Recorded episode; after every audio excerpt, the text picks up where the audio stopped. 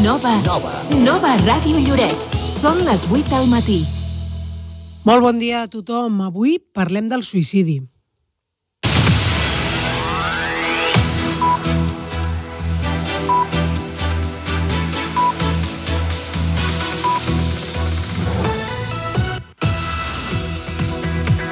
Aquests dies, Lloret de Mar s'ha sumat a una campanya del Departament de Salut per prevenir els suïcidis, una problemàtica social que afecta moltes persones i que avui en dia encara és un tabú. Per això calen iniciatives que permetin parlar-ne obertament i que ajudin a detectar conductes suïcides i, conseqüentment, fer prevenció.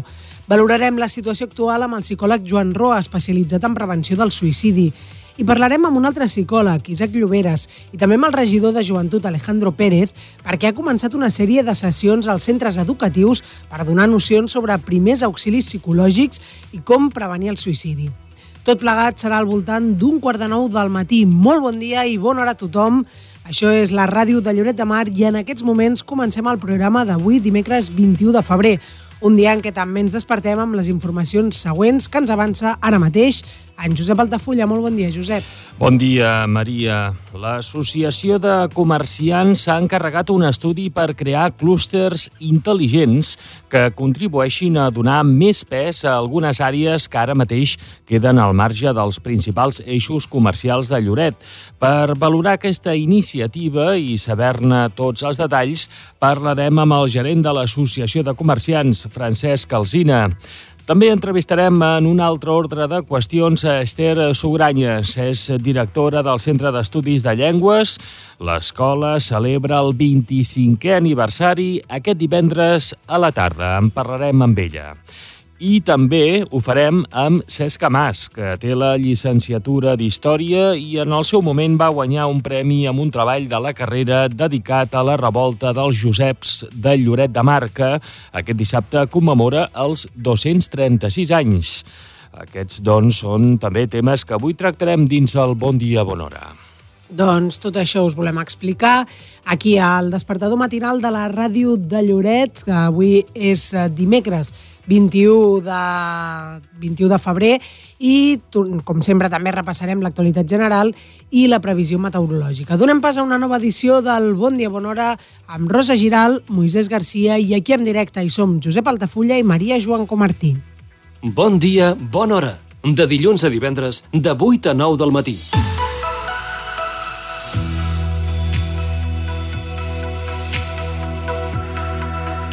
Ara que passen 3 minuts de les 8 del matí, és moment de saludar en Xavi Segura, que ens ofereix tots els detalls de la previsió meteorològica. Xavi, bon dia. Bon dia.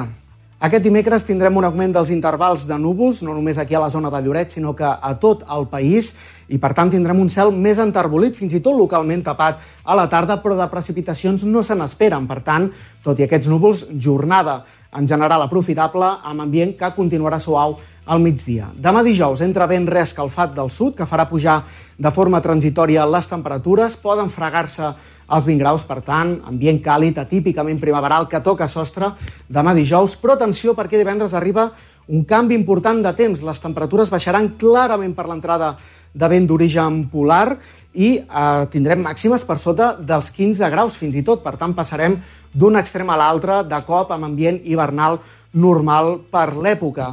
I tot plegat amb risc d'alguns ruixats, sobretot eh, durant el dia aquí a la zona de Lloret, tota la comarca de la Selva, en definitiva tot el, nor el nord-est de Catalunya, sense descartar fins i tot alguna tronada local, una inestabilitat que es mantindria també al cap de setmana amb ambient hivernal a l'espera de si la setmana vinent podrien arribar noves pluges. Moltes gràcies, Xavi. Prenem nota de tot plegat i afegim que el termòmetre ens marca en aquests moments aquí a Lloret 8 graus de temperatura i la humitat al 78%.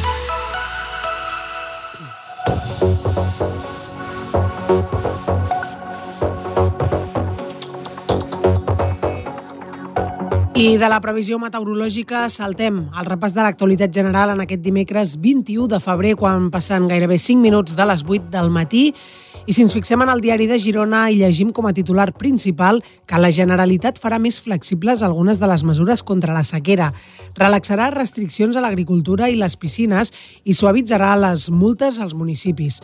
Noguer defensa els pous a la zona de la Muga, diu que és una operació de salvament.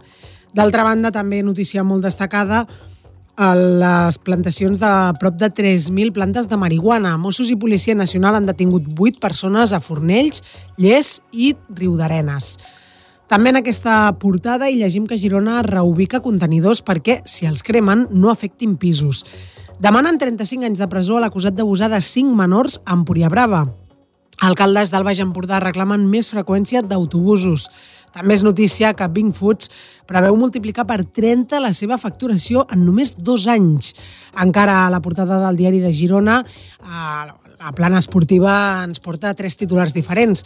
D'una banda, el Girona somia amb Europa sent el 15è límit salarial de la Lliga.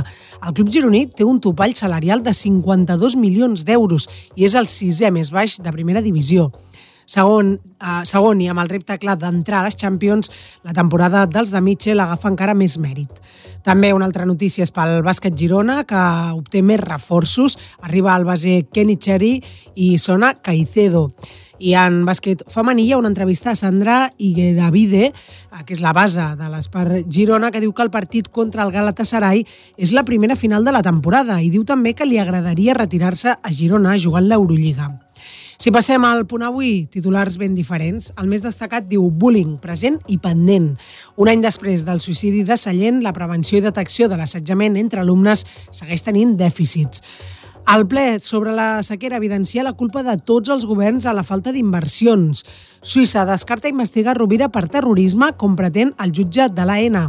La llibreria Les Voltes de Girona celebra els seus 60 anys de lluita pel català i en plana esportiva entrevista Regan Magarity, que és jugadora de l'Espart Girona i diu que l'equip té prou nivell. Hem de treballar dur.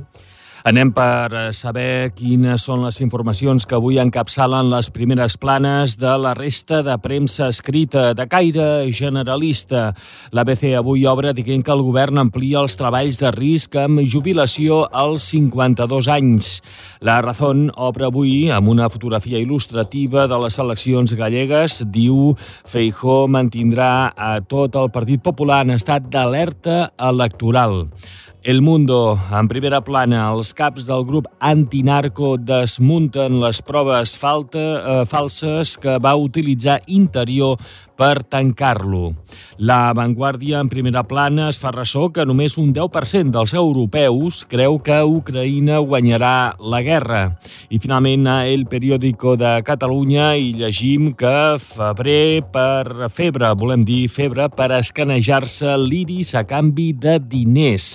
Nombrosos joves acudeixen a vendre dades biomètriques a través de l'ull de A Wallcoin, un projecte del creador de ChatGPT. També al eh, periòdico de Catalunya, en primera plana, Aragonès anuncia mil milions contra la sequera entre crítiques. Això és el que destaquen les primeres pàgines, però hi ha més informacions que volem remarcar que trobem a diferent premsa. Per exemple, Treball vol controlar a distància el registre horari de la jornada laboral perquè es compleixi la nova llei sense baixar el salari. El Ministeri proposa digitalitzar el control horari per evitar el frau amb la futura jornada de 37 hores i mitja i estudia endurir les sancions en cas d'incompliment. Més de 250 professors de la Universitat de Saragossa han signat a favor del català i l'aragonès. El manifest critica les declaracions del president autonòmic, el popular Jorge Azcón, en què afirmava que a l'Aragó no s'hi parla català. Més notícies. Desallotjat l'altre bloc de Badalona contigu al que es va ensorrar i es revisaran, a més a més, 420 pisos. L'Ajuntament ha anunciat la contractació d'una empresa especialitzada per inspeccionar tots els habitatges de l'illa de Cases. Montmaneu és el poble de Catalunya on creix més la població i, segons l'alcalde, cada dia els truca gent i els han de dir que no tenen cases. Entre el 2020 i el 2023, els habitants van augmentar un 31% i l'Ajuntament està fent accions per promoure l'habitatge tot i aquest increment, els habitants ara mateix rondan els 200. Neguit per les piscines i la sequera a municipis en emergència. La Federació i l'Associació Catalana de Municipis demanen negociar l'obertura de piscines a l'estiu als pobles amb emergència per sequera i temen que el govern en deixi moltes fora del cens de refugis climàtics. Els apicultors reclamen tenir més arnes en espais naturals i tràmits de transport i identificació més simples. La Federació de Cooperatives Agrícoles de Catalunya alerta que la supervivència de les abelles està amenaçada amb l'actual sequera. Més notícies, un encaputxat vessa 60.000 litres de vi de gamma alta valorats en 2 milions i mig d'euros en un prestigiós celler de Valladolid. Els propietaris descarten que es tracti d'un robatori i sostenen que l'única intenció de l'assaltant era fer mal. Detenen un capellà i la parella per traficar amb Viagra i altres estimulants a Badajoz. La Guàrdia Civil, que faria temps que sospitava dels dos homes, hauria trobat els estimulants en els escorcolls a una parròquia de Don Benito i a la mateixa rectoria. I anem ara a Madrid, on la residència on van morir tres dones en un incendi tenia bloquejades les sortides d'emergència. La Policia Municipal de Madrid troba greus deficiències al sistema contra incendis de l'equipament concertat, que havia passat dues inspeccions l'any 2023. En plana cultural, precarietat als escenaris. Sis de cada deu intèrprets viuen sota el llindar de la pobresa. Una enquesta feta entre actors, ballarins i altres professionals revela que la meitat necessiten una segona feina per subsistir existir, ja que 3 de cada 4 artistes catalans ingressen menys de 18.000 euros anuals. En plana esportiva parlem de futbol sala perquè el Barça ha encaixat dos gols del Peníscola en 30 segons i ha quedat així fora de la Final Four de la Copa del Rei. El resultat final va ser de 4 gols a 3. Fins aquí el repàs de l'actualitat general. Són ara les 8 i 11.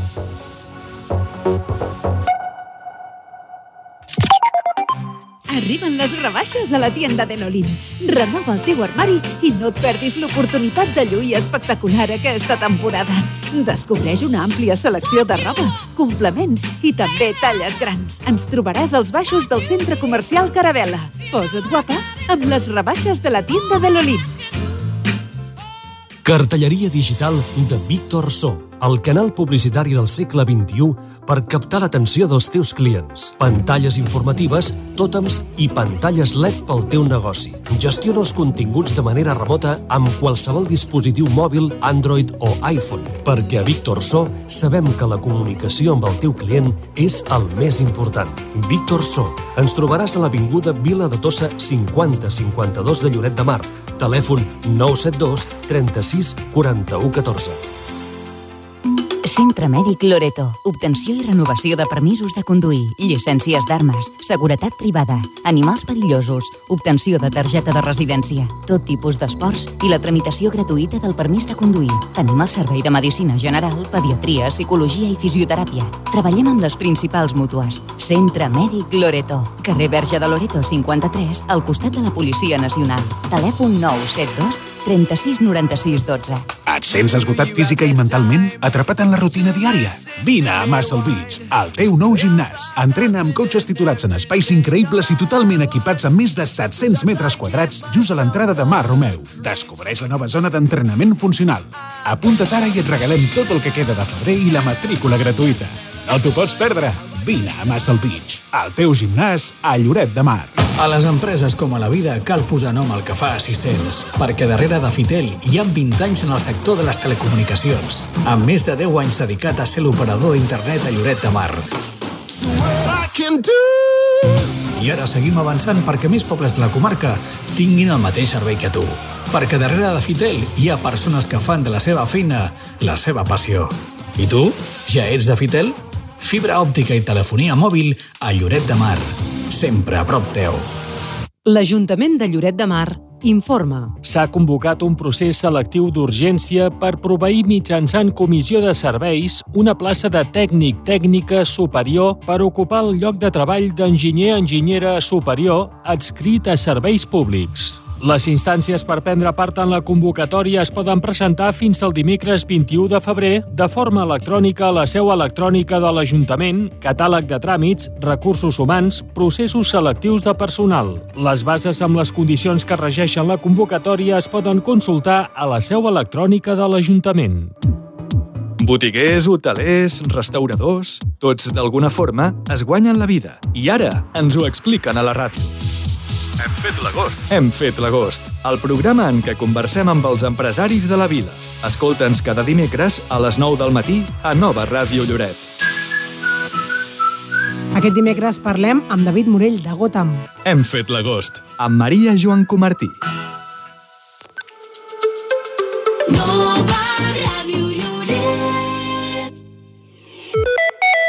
Bon dia, bona hora.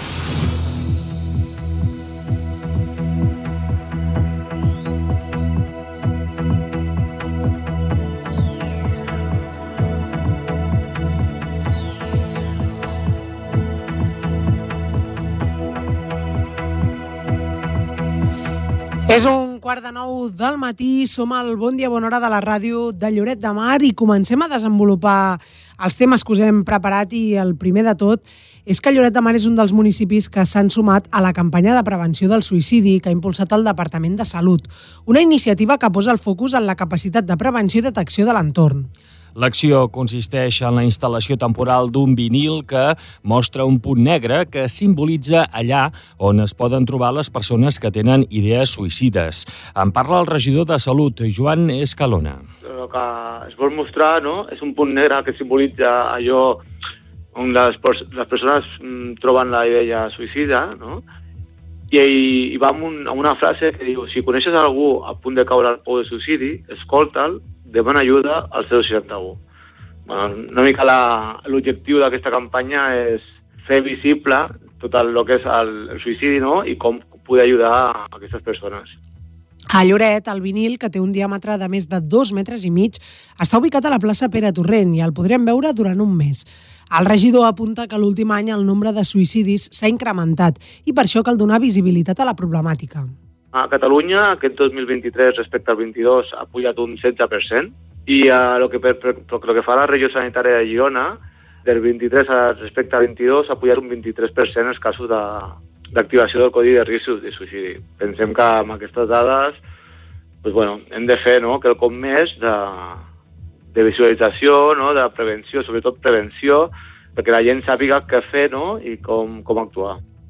En l'última dècada, entre els anys 2012 i 2021, es calcula que s'han produït a la regió sanitària de Girona unes 818 morts per suïcidi, el 74% de les quals han sigut homes, segons dades del Registre de Mortalitat de Catalunya del Departament de Salut. El Codi Risc Suïcidi es va implantar a la regió sanitària de Girona l'any 2015 i defineix el circuit i el procediment d'actuació a seguir davant la detecció d'un cas amb risc de suïcidi alt, amb l'objectiu de reduir la mortalitat per aquesta causa i evitar el risc de noves conductes suïcides.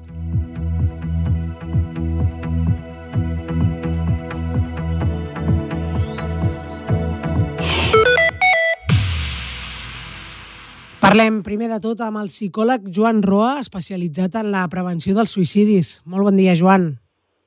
Hola, bon dia. Com és la situació actual entorn als suïcidis?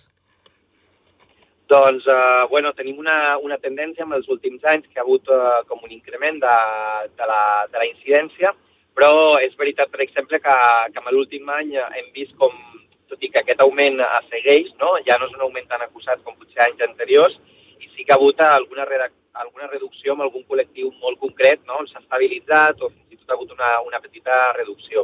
Però és veritat que aquesta tendència doncs, s'ha doncs, anat repetint al llarg de, dels últims anys d'increment. I en quin, quin seria el col·lectiu que, diguéssim, té més risc i en quin seria aquest que s'ha reduït? Clar, tenim, per exemple, dos col·lectius de risc bastant identificats. Un és el col·lectiu de, de persones joves i després tindríem el col·lectiu de, de persones grans. Especialment hi ha un grup de població que són els homes majors de 45-50 anys, especialment, on eh, es dona una incidència com més elevada. I aquests dos grups de risc configuren com una mica els sectors de població eh, doncs, on s'ha de fer més incidència en quant a la prevenció, no? en quant a que són grups de risc i són grups que justament en moments quan puja la incidència són grups on tendeix a pujar més la incidència. A les dades que van passar des de l'Ajuntament i veiem que el 74% de les eh, morts per suïcidi en l'última dècada havien sigut homes. És així? Exactament. És per això que justament el col·lectiu aquest d'home i home ja amb una certa edat, doncs, de major edat, com li deia, eh, quasi cap als 50 anys, i d'aquí una mica cap amunt constitueix com el major gruix en quant a morts eh, per suïcidi. També és veritat que darrere de cada mort hi ha moltes tentatives i les tentatives sí que acostumen a fer-les majoritàriament les dones. Aquí hi ha un patró de, de gènere que, que, que fa que la conducta suïcida es manifesti diferent moltes vegades en homes i en dones, per, per molts factors, eh, al final, però és veritat que, que el 3 de cada 4 morts per suïcidi al final les cometen homes. Uh, en tot cas, això no vol dir que, com tu comentes, no, pel que dius, que no vol dir que les dones tinguin menys problemes psicològics, per dir-ho així, sinó que el, prevenció se n'ha de fer tant amb homes com amb dones perquè la problemàtica afecta a tothom.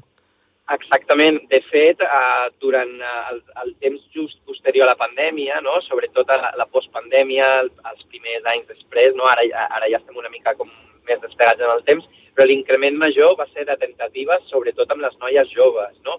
És a dir, que al final hem de fer prevenció, hem de fer prevenció tant en homes com en dones, però hem de tenir en compte aquest factor diferencial que fa que el malestar, diguem, d'alguna manera, doncs, eh, doncs eh, se manifesti de diferents formes i que això també dona lloc a diferents conductes, no? Per exemple, més intens en el cas de les dones i sobretot vam tenir un increment molt, molt, molt, molt fort amb, amb noies molt joves, val? Uh, estem parlant de noies de 12, 13, 14, 15 anys, sobretot, val? Uh, fins als 20 anys, on hi havia un increment molt, molt evident, i, i aquí també s'ha de fer molta incidència amb una prevenció que a més ha de ser molt primerenca, perquè aquesta prevenció ha de començar a, a edats ja realment molt, molt, molt, molt primerenques, vamos. Sí, sí. Mm. I què et sembla que s'impulsin campanyes com la que ha iniciat el Departament de Salut? Doncs és superimportant. Aquesta campanya més forma part del Pla PRES, que és el Pla de Prevenció del Suïcidi de, de Catalunya, i és molt important aquesta visibilització del problema per d'alguna manera trencar amb el tabú que suposa encara el tema del suïcidi, de parlar del suïcidi i fer-ho visible, fer-ho públic i que la gent també realment es sensibilitzi i es conscienci de que ells i elles poden fer, uh, són agents actius de prevenció, és a dir, que si detecten en el seu entorn alguna persona que ho està passant malament i que poden pensar que podria no, tenir conducta suïcida, doncs que ells poden d'alguna manera escoltar, acompanyar, ajudar, veure que Ah, per exemple, existeix el 061, que té una taula específica per l'atenció a la conducta suïcida, i és molt important aquest tipus de campanyes per passar del terreny privat individual al terreny públic, col·lectiu i social aquest tema, que la gent comenci a parlar, que vegi que existeix i que sàpiga que pot ajudar les persones i que existeixen recursos per poder ajudar-les i que moltes persones doncs, poden ser ajudades i, i hi ha moltes històries on s'ha pogut realment a doncs, una persona que potser havia fet un intent o diversos intents, doncs poder d'alguna manera recuperar, no? a, a establir com una milloria i que la persona doncs, no torni a fer un intent i, diguem, a, que situï en una zona de menys risc davant del suïcidi. Per l'experiència, Joan, eh, s'aconsegueixen bons resultats amb la prevenció?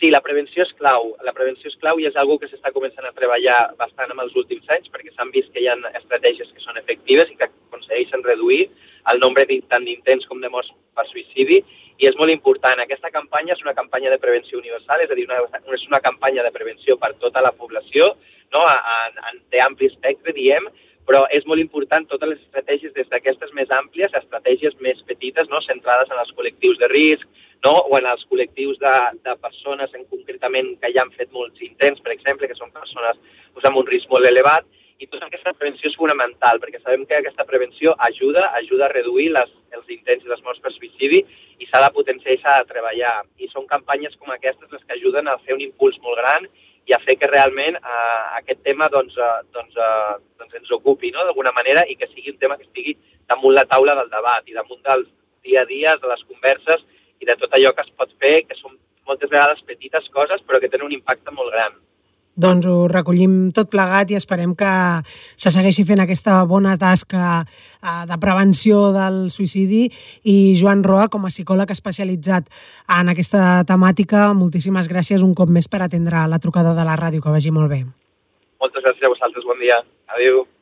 Doncs hem valorat amb Joan Roa la situació actual referent als suïcidis, una problemàtica social que afortunadament cada vegada se n'està parlant més i, com deia el psicòleg, doncs és molt important fer accions de prevenció per evitar que hi hagi suïcidis o intents de suïcidi, que també són molt preocupants, i el que s'ha començat a fer aquí a Lloret de Mar, eh, impulsat pel Departament de Joventut de l'Ajuntament, són unes sessions als diferents centres educatius adreçades tant als docents com a l'alumnat com també a les famílies per uh, fer educació psicològica, per uh, explicar quins han de ser els primers auxilis psicològics en cas de detectar alguna conducta suïcida i, evidentment, conseqüentment, doncs, fer prevenció al suïcidi en aquest col·lectiu, el col·lectiu de, de joves que, com deia Joan Roa, és un col·lectiu molt vulnerable en aquest sentit i, per tant, doncs, s'ha doncs, iniciat aquestes accions des de l'Ajuntament de Lloret de Mar a tots els centres educatius de la vila i nosaltres volem parlar d'aquestes accions aquí a la ràdio per saber exactament què és el que s'hi està fent, de quina manera i quan durarà uh, tot, uh, tot plegat.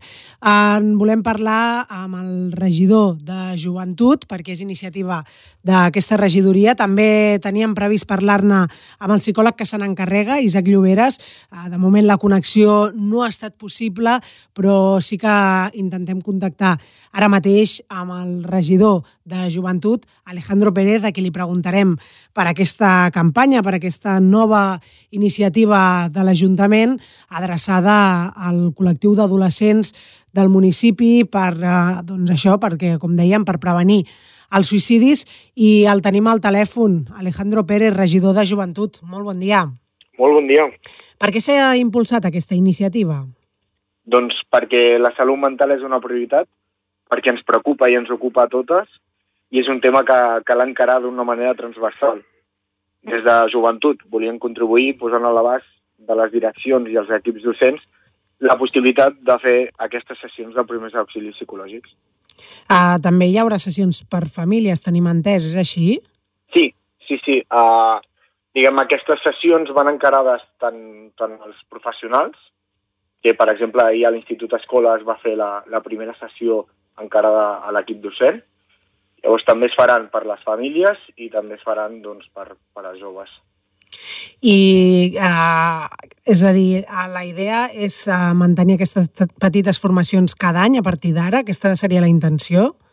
Sí, uh, des de, des de bueno, una taula comunitària uh, es va decidir que bueno, hi havia aquesta necessitat de fer una espècie de, de catàlegs de, de diferents xerrades i, i sessions que es poden fer a les escoles Llavors, aquest catàleg està a l'abast de, de les escoles i dels instituts i ells poden demanar la, la que volen. Llavors, aquesta és una de, la, de les demandades i llavors, eh, bueno, la idea és que, que la puguin seguir tenint, tinguent a, a l'abast. Mm. Uh, quan diem que s'adreça tant a equips docents com a alumnats, a quin, quin alumnat, és a dir, quines edats engloba? Doncs principalment es va fer uh, per als instituts, però és el que et dic, uh, uh, això es posa a l'abast de, de les escoles i dels instituts i, i ells ho poden demanar. Val, d'acord, d'acord, perdó. Que ells veuen, sí. Mm -hmm. Sí, sí, queda, queda clar, queda clar. Eh, I també volia saber, més o menys, és que teníem previst parlar amb l'Isaac Riera i amb l'Isaac Lloberes, el psicòleg que s'encarrega d'aquestes formacions. No, no ha estat possible aquesta connexió, però per la sessió que es va fer ahir, eh, que, en què consisteix? És a dir, són sessions més aviat teòriques? Hi ha també una part pràctica? Bueno, és, eh, bueno, és una mica eh, posar en valor diguem, la necessitat de, de tenir una, una bona salut mental, eh, també a facilitar eines per l'equip docent, tant d'observació, de, de criteris d'observació com, com alhora per, per poder també tractar el dia a dia. Eh, bueno, no ens hem d'oblidar que aquests temes els ha de, de tractar un professional, un psicòleg, eh, però mm, bueno, eh, l'equip docent té, té molt a dir, té molt a fer i llavors eh, bueno, és, és donar més eines en aquest sentit, tant de, de, per poder eh, d'alguna manera prevenir i també per poder detectar. Doncs celebrem aquesta bona iniciativa que ha començat aquesta setmana i que esperem que molts centres educatius de Lloret eh, doncs hi sumin, eh, ho, ho demanin. I, regidor, volíem comentar una altra qüestió, en aquest cas com a regidor de Benestar i Família, perquè aquest dimarts l'Ajuntament ha commemorat el Dia Mundial de la Justícia Social. Com s'ha commemorat i quin és l'objectiu d'aquesta jornada?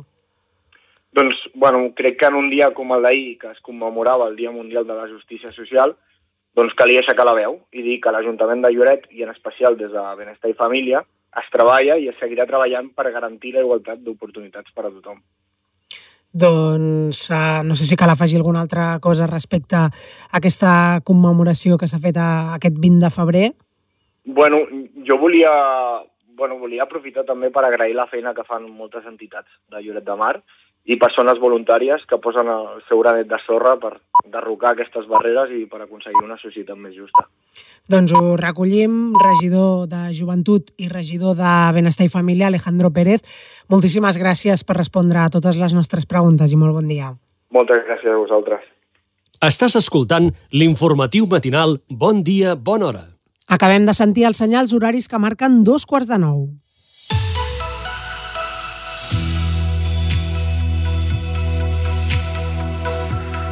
És moment de donar pas a la crònica meteorològica que ens ofereix en Xavi Segura. Molt bon dia. Bon dia. Aquest dimecres tindrem un augment dels intervals de núvols, no només aquí a la zona de Lloret, sinó que a tot el país, i per tant tindrem un cel més enterbolit, fins i tot localment tapat a la tarda, però de precipitacions no se n'esperen. Per tant, tot i aquests núvols, jornada en general aprofitable, amb ambient que continuarà suau al migdia. Demà dijous entra vent reescalfat del sud, que farà pujar de forma transitòria les temperatures, poden fregar-se els 20 graus, per tant, ambient càlid, atípicament primaveral, que toca sostre demà dijous, però atenció perquè divendres arriba un canvi important de temps. Les temperatures baixaran clarament per l'entrada de vent d'origen polar i eh, tindrem màximes per sota dels 15 graus fins i tot. Per tant, passarem d'un extrem a l'altre de cop amb ambient hivernal normal per l'època. I tot plegat amb risc d'alguns ruixats, sobretot eh, durant el dia aquí a la zona de Lloret, tota la comarca de la Selva, en definitiva tot el, nor el nord-est de Catalunya, sense descartar fins i tot alguna tronada local, una inestabilitat que es mantindria també al cap de setmana amb ambient hivernal a l'espera de si la setmana vinent podrien arribar noves pluges. Moltes gràcies, Xavi. Ara mateix aquí a Lloret volem afegir que la temperatura que tenim és de 8 graus i la humitat la tenim al 78%.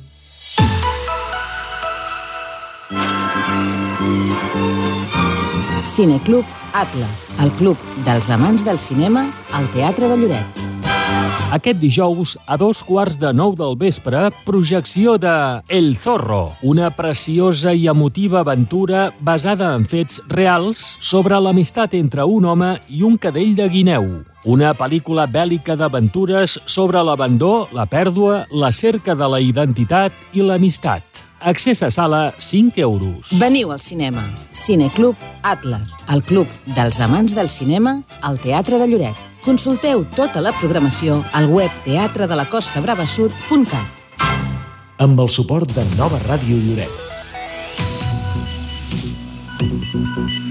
Bon dia, bona hora. De dilluns a divendres, de 8 a 9 del matí. Seguim avançant, passant ara 3 minuts de dos quarts de nou. Això és el Bon Dia, Bona Hora de la ràdio de Lloret. Avui és dimecres 21 de febrer i toca ara parlar de comerç, perquè l'Associació de Comerciants vol crear clústers intel·ligents per donar més pes a algunes àrees que ara mateix queden al marge dels principals eixos comercials de Lloret. Els anomenats eh, clústers intel·ligents promouen l'especialització i potencien espais comerciants. És la mesura que recomana un estudi encarregat per l'associació i elaborat per l'Observatori Econòmic Eixos.cat, que ha analitzat totes les activitats econòmiques a peu de carrer del municipi. Aquest estudi es va fer gràcies a una subvenció de la Cambra de Comerç de Girona a través del programa Apoyo del Comercio Minorista 2023, cofinançat pel Fons Social Europeu i el Ministeri d'Indústria, Comerç i Turisme. L'estudi es va dur a terme el novembre passat. En aquell moment hi havia més de 1.700 establiments actius a peu de carrer i, tot i ser temporada baixa, representa un índex considerable tenint en compte que Lloret té el nombre d'establiments per cada 100 habitants més alt de tot Catalunya. L'estudi també analitza com les activitats econòmiques es localitzen sobretot en 10 eixos principals en tot el municipi. Cal matisar que es considera eix principal una via on hi ha més de 40 negocis actius. En l'àmbit de comerç i serveis hi ha més de 1.400 activitats de restauració i hostaleria. Actualment hi ha 559.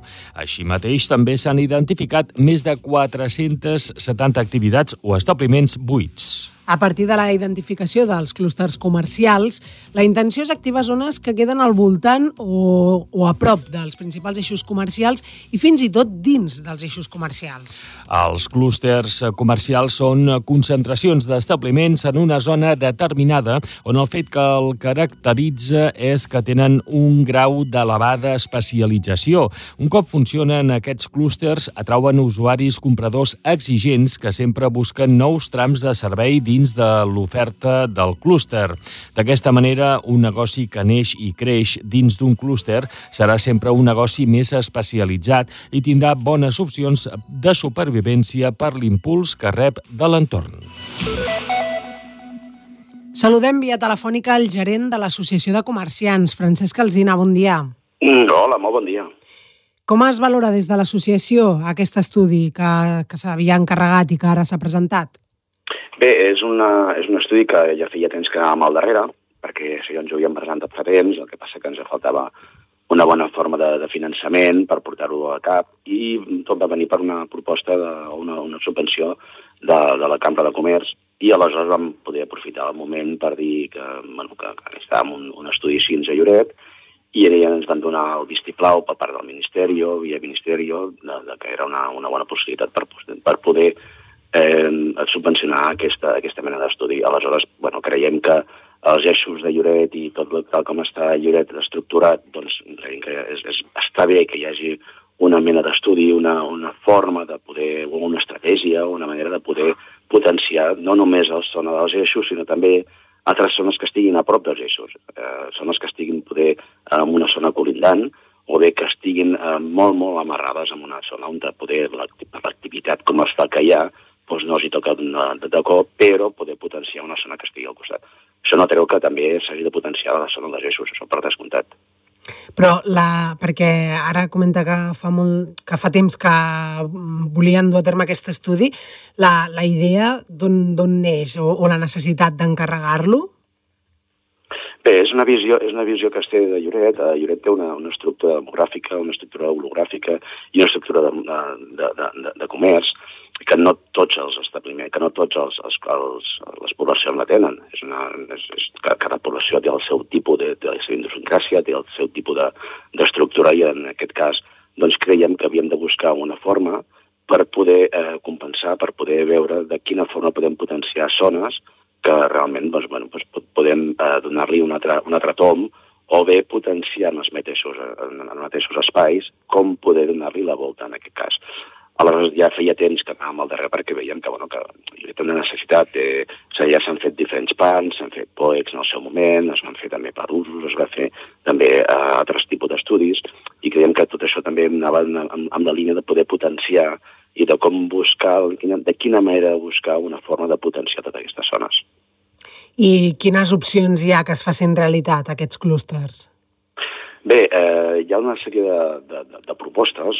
En, un cop tens tot, la, la, tot, tot l'estudi, tens una sèrie de propostes perquè un cop veus quin és el tipus de, de, de concentració d'un producte que té a veure amb els altres, perquè no, eh, el, el que heu dit del clúster és, és així, és buscar una afinitat entre un mateix client un client que va buscar un producte en un, en un espai, és molt probable que vagi a una sèrie d'espais que estiguin relacionats. No vol dir que hi hagi el mateix segment de producte, no vol dir que tots siguin botigues de roba, o no vol dir que tots siguin drogueries, perquè ens entenguem, però sí que ha d'haver-hi una sèrie d'establiments que tinguin una relació i que el tipus de client sigui afí.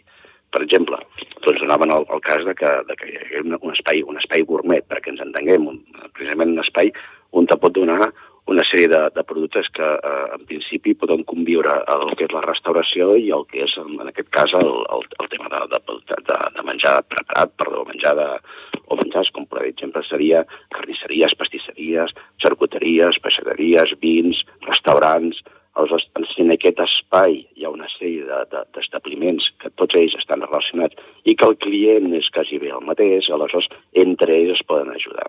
Això què vol dir? Això vol dir que en un espai tu pots potenciar i aleshores a l'hora que te vingui un producte, o, perdó, una, una, una persona que vulgui muntar un establiment a Lloret, és molt més fàcil orientar-lo en quin espai li pot anar millor. No vol dir que hagi d'estar en el millor espai, en el millor eix, com pot ser els, eix, els eixos principals, que pot ser el Sant Pere o pot ser la Vila. No, no, no, no vol dir això. Vol dir que segurament per el tipus de comerç o pel tipus d'establiment que hagi, en un, el que hagi al voltant, poder li anar millor estar en un espai que en un altre. Aleshores, la nostra feina és aquesta, és poder orientar i és poder donar-li opcions a que aquest establiment estigui en el lloc on realment pugui estar. No vol dir que, que si està en el primer lloc i li paga més, li dirà millor. Segurament, però a vegades no fa falta això. A vegades és saber a on te'l pots orientar i a on te pot estar aquest establiment perquè els establiments que hagin al costat li siguin afins. Uh -huh. Però uh, com, com s'inicia un... És a dir, uh, Clar, per crear una zona especialitzada calen diferents negocis no? que, que vulguin apostar per aquesta zona. Bé, no és ben bé que s'aposti en si, a vegades són negocis, eh, a vegades el clúster sorgeix, sorgeix d'una sèrie d'establiments de, de, que ja hi són.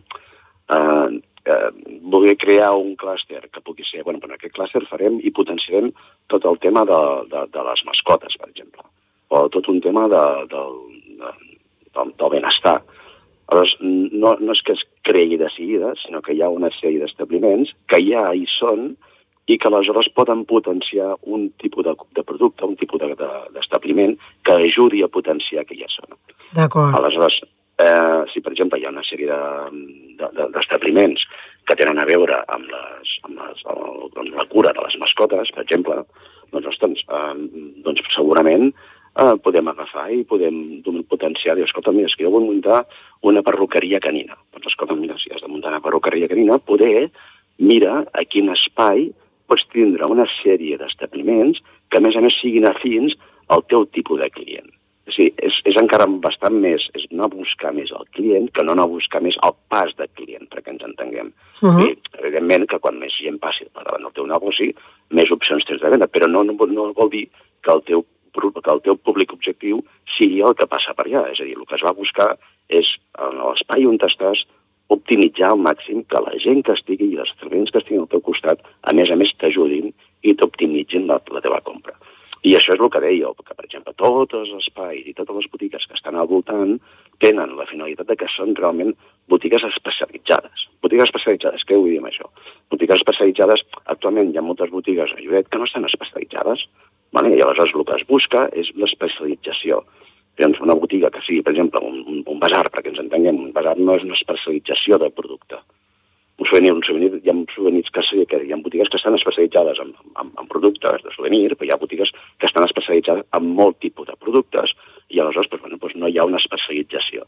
Llavors d'aquí el que anem és a, a cercar i a buscar que els establiments que estiguin estiguin especialitzats. Uh -huh. Un públic especial, una botiga especialitzada dona molt de si en un, en, un, en un espai, perquè a més a més és el que diem, entre els establiments especialitzats s'ajuden. I aleshores aquí -huh. és on està també el, el kit de la qüestió. Que, per exemple, suposem l'eina seria un mercat municipal. Seria, per exemple, que perquè s'entengui millor.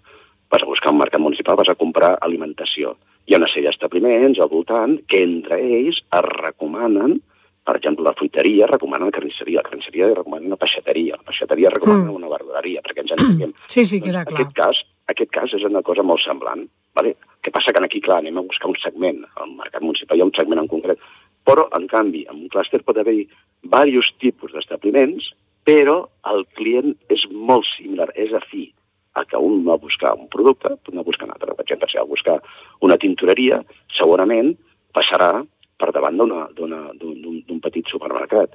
Segurament passarà per davant d'un altre tipus de producte on el client sigui exactament el mateix i les afinitats siguin iguals. Doncs això és el que es va buscar. Doncs uh, veurem uh, si es pot anar complint aquests objectius. En tot cas, d'aquí uns dies parlarem d'aquest estudi amb el seu autor més àmpliament i més tècnicament, però per ara recollim totes aquestes valoracions com a gerent de l'Associació de Comerciants. Francesc Alzina, moltíssimes gràcies per atendre'ns i molt bon dia. Moltes gràcies a vosaltres per la difusió. Molt bon dia.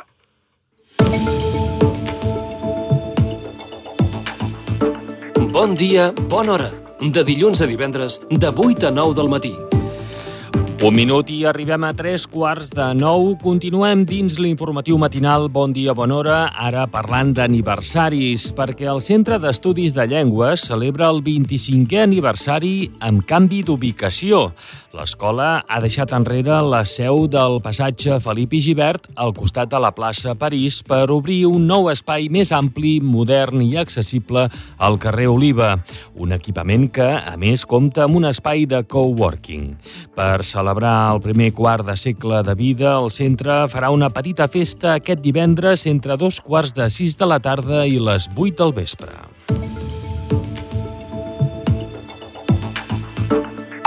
En parlem ara mateix amb la directora del Centre d'Estudis de Llengües, és Esther Sugranyes, la tenim als estudis i la saludem. Bon dia. Bon dia, bon dia, Lloret. Primer de tot, per molts anys. Moltíssimes gràcies. I pregunta obligada, com es valoren aquests 25 anys?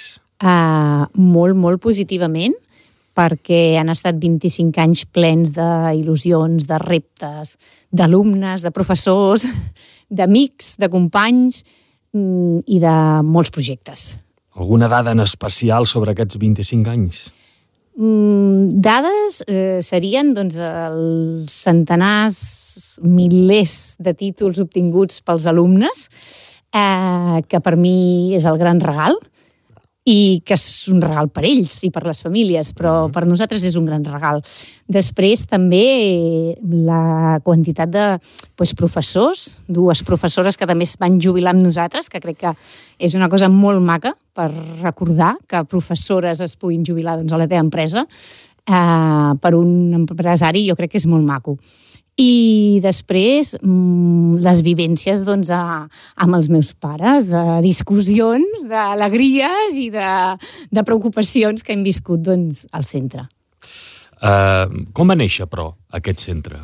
Doncs mira, aquest centre neix perquè la meva mare és professora de francès, que té una vocació desbordant com a professora, i comença comença més, no comença allà on estàvem abans, allà a la plaça Pris, sinó comença amb un piset petit d'un cosí, eh, a l'Emilio, que li va llogar i va començar a fer classes de francès. Antigament ja havia fet classes de repàs, ajudant a nanos i tal. I la, tenim el títol primer de francès que va treure oficialment, eh? la, la meva mare, i la recordem amb molt de carinyo a l'alumne, i d'allà salta de seguida a poder anar doncs, al pis que abans era dels meus pares, a la plaça París, i comença que la gent li diuen home, però només fes francès i tècniques, home, perquè no ens fas anglès, que volem. I va ser una demanda dels pròpies famílies de dir, home, si fas el francès i les tècniques i ens ho fas també, per què no ens fas anglès, que és el que volem? I hem anat creixent, perquè publicitat, la veritat, nosaltres apenes n'hem fet, la meva mare sempre ha sigut molt contrària a fer-ne, amb el boca a boca. I jo crec que aquest és el nostre gran regal. I ara comença una nova etapa, seria la tercera, pel que fa a nova seu. Eh, com és aquest nou equipament? Doncs mira, aquest nou equipament eh, és un projecte que a més ens ha vingut així una miqueta en aquest any 2023, que per nosaltres està bastant complicat, i, i ve sense esperar-nos-el. Val? I llavors això eh, és com una mica tirar-te el buit no? perquè no, no era esperat. Però, mm, bueno, li hem posat moltes ganes, molta il·lusió, molta, molt d'esforç, i és un espai que conceptualment és diferent. O això és el que hem intentat, que sigui diferent. On les professores, per exemple, no tenen una taula de profe com a tal, eh, on l'aula no és d'una professora, sinó que cada aula eh, l'escollim depenent de les necessitats del grup o de l'alumnes. Llavors, la idea és aquesta, que sigui diferent. Mm. I una miqueta ja és diferent perquè tothom ens ho diu, no? De que, ostres, és que es veu tot. Sí, sí, és que és això. La idea és aquesta, que tothom ho pugui veure, el que fem, que ja ens agrada que es vegi. Mm -hmm. Tenim entès que funciona com a espai coworking. Sí, aquesta és la segona part, diguéssim, del projecte. Quan veiem que podem fer una cosa nova, pensem buscar-li també com una funcionalitat més, donar un servei més al poble, i se'ns acudeix aquesta idea, que la veritat és que a mi m'encanta, eh, de poder donar un espai doncs, a gent que ve a treballar per uns mesos, gent que teletreballa, gent que ha de fer reunions i no té un espai com a tal habilitat. I, bueno, de moment em sembla que està tinguent molt bona acollida perquè molta gent m'ho pregunta i, bueno, és, és xulo el projecte paral·lel. Aquest divendres ho celebreu. De quina manera ho feu? Doncs mira, de manera molt familiar. Eh? La idea és que tenim moltes ganes de que vingui molta gent, veure molts exalumnes, veure eh, professores que ja no estan amb nosaltres, veure eh, companys, amics, i simplement és que entre dos quarts de cinc i les vuit estarem allà amb una copeta de cava i alguna coseta per picar i, o uns suquets de fruita i parlarem, els ensenyarem al centre i familiarment estarem, estarem tots allà. Doncs ens fem ressò d'aquest aniversari, d'aquesta nova etapa. Esperem que sigui tot un èxit aquesta celebració aquest divendres i que per molts anys tinguem aquest centre. I moltíssimes gràcies, i Josep, si em permets, a convidar a tothom que ha format part del centre, que avui al matí hi ha hagut una persona que m'ha dit és que una part del cor de molts, molts alumnes encara la tenim allà. I m'ha agradat molt aquesta frase aquest matí. Uh, I la veritat és que, bueno, que potser no hem arribat a tothom, tothom, perquè els mòbils, els mails canvien en tants anys, mm -hmm. però que tothom hi és convidat, hagi sigut alumne, no ho hagi sigut, siguin amics, siguin companys, familiars, qui vulgui. Doncs eh, una vegada més felicitats i per molts anys. Moltíssimes gràcies, Josep. Gràcies. Bon dia, bona hora. De dilluns a divendres, de 8 a 9 del matí. Ara falten 10 minuts per arribar a les 9 en punt del matí. Encara tenim més temes. Eh, l'informatiu matinal de la ràdio de Lloret de Mar.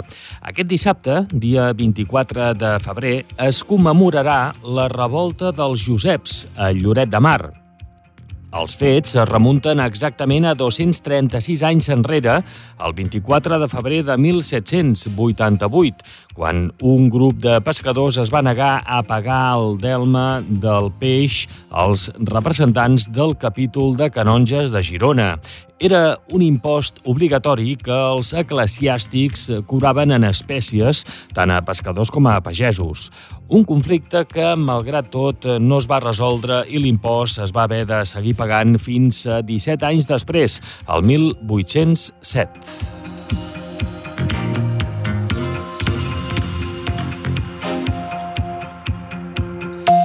D'aquest tema en parlem avui amb la Cesca Mas, al telèfon. Bon dia. Hola, bon dia a tothom. Que tu tens la carrera d'Història.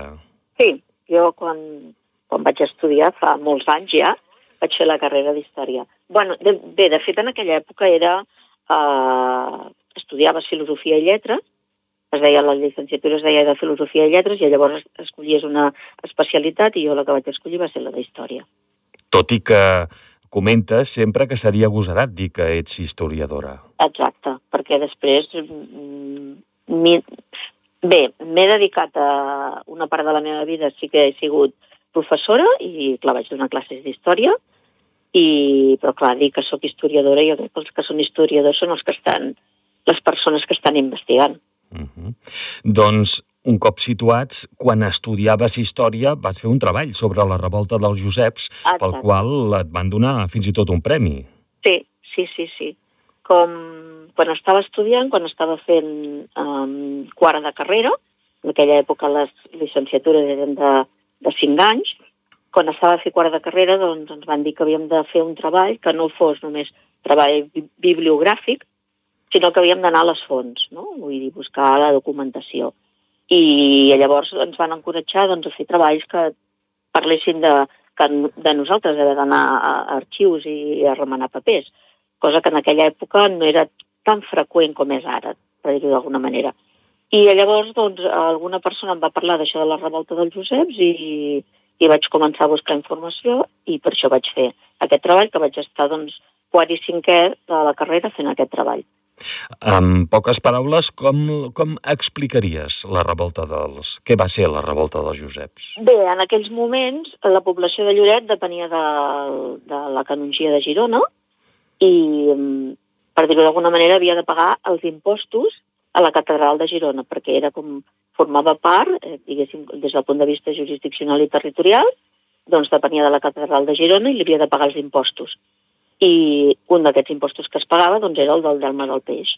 I els pescadors, doncs, el 24 de febrer, com tu molt bé has dit, que dissabte doncs, serà aniversari, van començar una revolta perquè doncs, es queixaven per haver de pagar aquest impost, perquè s'havien publicat uns anys, uns anys abans unes cèdules reials en els quals es deia que el peix havia de, de, de quedar lliure de pagar impostos.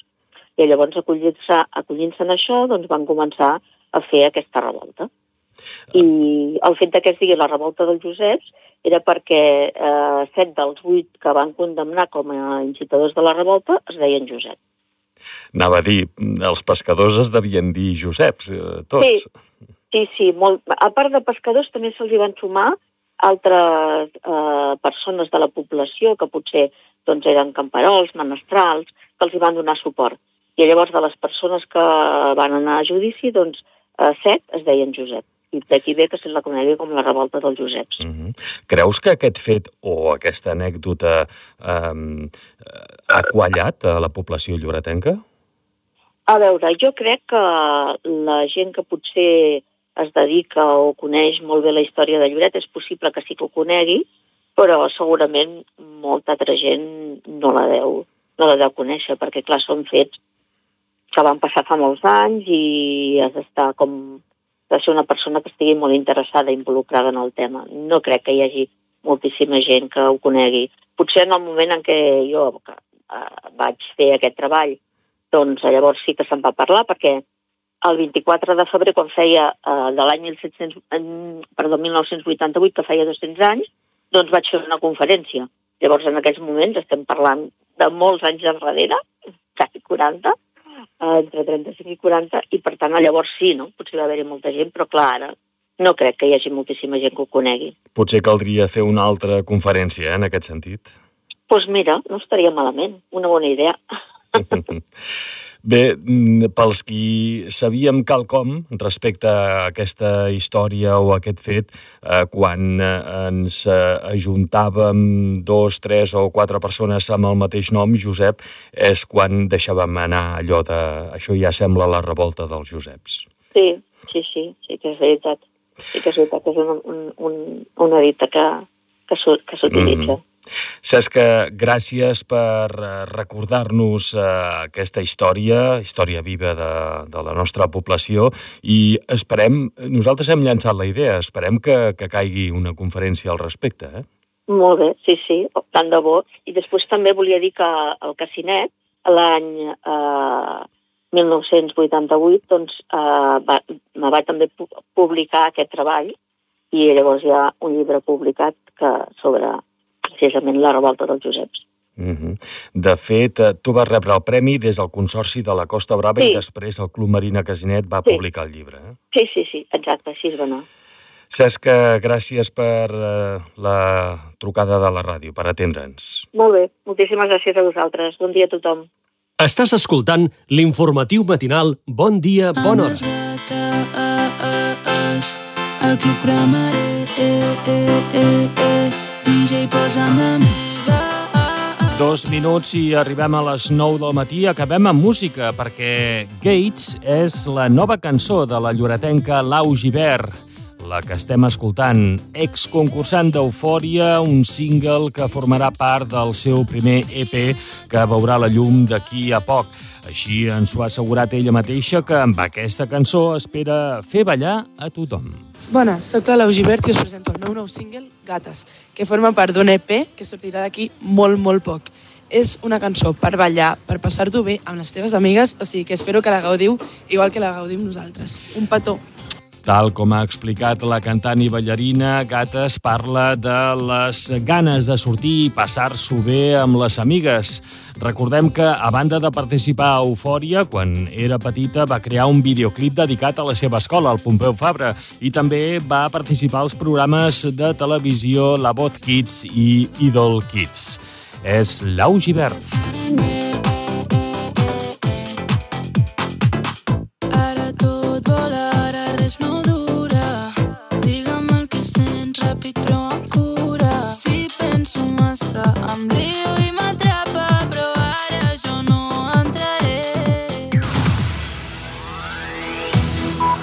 Així és com arribem a la fi del programa informatiu de la ràdio de Lloret de Mar. Un minut en punt i arribem a les 9 del matí, hora en què començarà un altre programa també força atractiu. És Hem fet l'agost amb la nostra companya Maria Joan Comartí.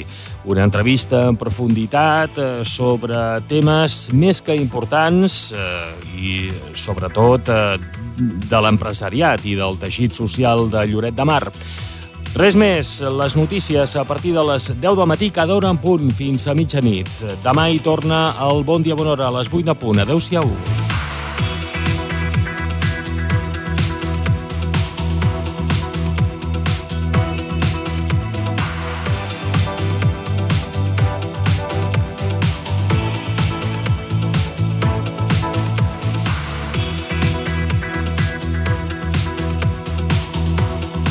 Dia, bona hora. De dilluns a divendres, de 8 a 9 del matí.